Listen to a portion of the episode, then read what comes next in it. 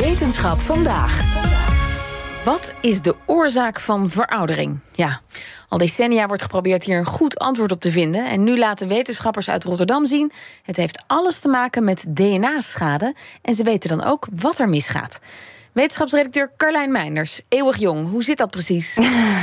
dank je, dank je. Nou, uh, in de jaren tachtig zei onderzoeker Jan Hoeimakers het eigenlijk al. Veroudering heeft iets te maken met schade aan het DNA. Dat baseerde hij destijds op wat hij zag in jonge patiënten met een DNA-reparatiedefect. Die verouderen namelijk heel snel, heel vroeg in hun leven al.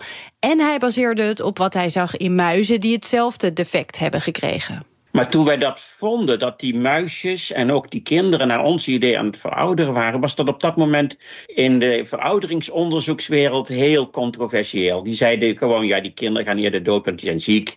Ja, en die muisjes, ja, die zijn ook ziek. En wij zeiden, nou, wij denken dat het echt komt door het DNA-reparatiedefect wat die kinderen en die muisjes hebben. En dus DNA-beschadigingen, als je die nou niet goed kan repareren, dan verouder je sneller. Ja, en dat werd toen dus nog niet echt geloofd.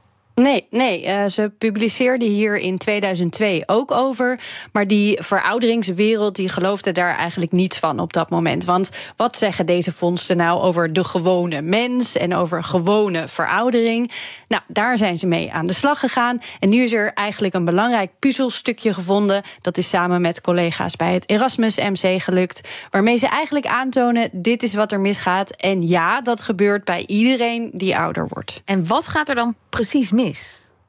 Nou, DNA-schade lopen we allemaal elke dag op. Door de zon, eh, door alcohol, roken, ons voedingspatroon. Als we jong zijn, wordt die schade over het algemeen goed gerepareerd. Maar worden we ouder, dan stapelt die schade zich op. Uh, dat DNA, dat de instructies geeft voor het maken van nieuwe cellen en onderdelen van die cellen, heeft steeds meer foutjes in de tekst, als het ware. Nou, bevat ons DNA zowel lange als korte instructies. En wat dat betreft viel ze dit op dat met name de lange instructies bij veroudering, die, ja, die, die worden niet goed meer gekopieerd. Want er zitten foutjes, zitten beschadigingen in die instructie. En je wil er een kopie van maken, maar als die beschadigd is, dan loopt het vast. En dat vonden wij dus, dat met name de lange instructies in het DNA, die hebben meer last van beschadigingen dan die kleine. En daardoor kan het kopiëren van een instructie niet goed meer verlopen. En als een kopie niet meer gemaakt kan worden, dan kun je de instructie ook niet meer uitvoeren. Ja, en wat heeft dat dan weer als gevolg? Dat heeft overal in het lichaam een effect op de werking van de cellen waarin dit misgaat. we hebben het DNA. In het DNA vind je de genen. Die worden uh, afgelezen, zeg maar, en gekopieerd. En van die kopie, het RNA, worden eiwitten in cellen gemaakt. De werkpaarden eigenlijk, legt collega-onderzoeker Joris Pothoff uit. Beschadigingen in dat DNA zijn in elke cel weer net iets anders. Dus iedere cel krijgt een andere combinatie van schades. En dan worden sommige instructies gewoon niet meer goed afgelezen. Dus is er van sommige eiwitten is er dan minder aanwezig. En dan gaat dus elke cel net ietsje slechter functioneren. Het is echt een lawine-effect. Iedere cel heeft een andere combinatie van kleine defectjes. Maar die beïnvloeden ook weer de andere processen die ze normaal zouden beïnvloeden. Dus je krijgt eigenlijk, hoe ouder een cel wordt, hoe meer ja, ruis er eigenlijk in het hele systeem komt. En gaan die cellen dan uiteindelijk ook dood?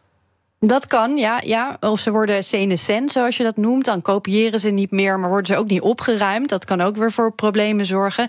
En eigenlijk wat ze zien, is dat alle verouderingsprocessen hiermee wel in gang worden gezet. Uh, dat denken ze te zien. Nou, hoorde je al, in lange genen is het probleem het grootst. En die vind je onder andere in de hersencellen nu is één idee dat dat misschien dat ouderdomsziekte van de, van de hersenen, zoals Alzheimer en Parkinson, dat dat misschien wel ook DNA-schade als basis heeft.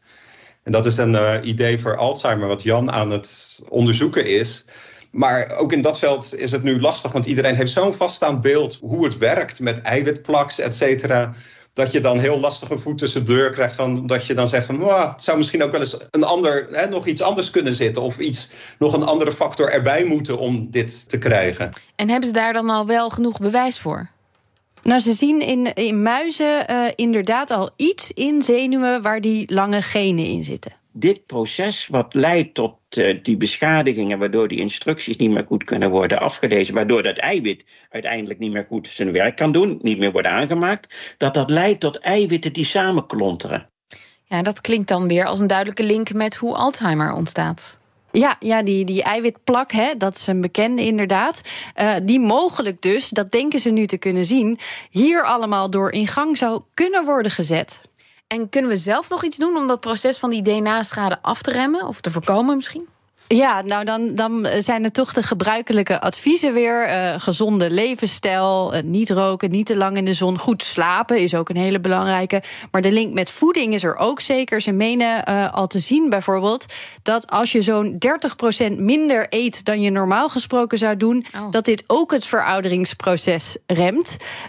hier zijn ze ook onderzoek naar het doen, aan het doen op het moment nog. En natuurlijk geldt, um, als we het mechanisme beter begrijpen, wie weet zijn er dan medicijnen mogelijk. Daar denken ze ook zeker aan. Die dat proces wat ze nu beter in kaart hebben gebracht, dan weer positief kunnen beïnvloeden. Zodat we niet per se uh, langer leven straks, maar wel langer gezond kunnen blijven. Nou, en dat is natuurlijk de echte winst. Dankjewel, Carlijn Meinders. Bij BNR ben je altijd als eerste op de hoogte van het laatste nieuws. Luister dagelijks live via internet. Bas van Werven. En heel langzaam komt de zon op rond dit tijdstip. Je krijgt inzicht in de dag die komt op BNR, het Binnenhof in Nederland en de rest van de wereld. De Ochtendspits. Voor de beste start van je werkdag. Blijf scherp en mis niets.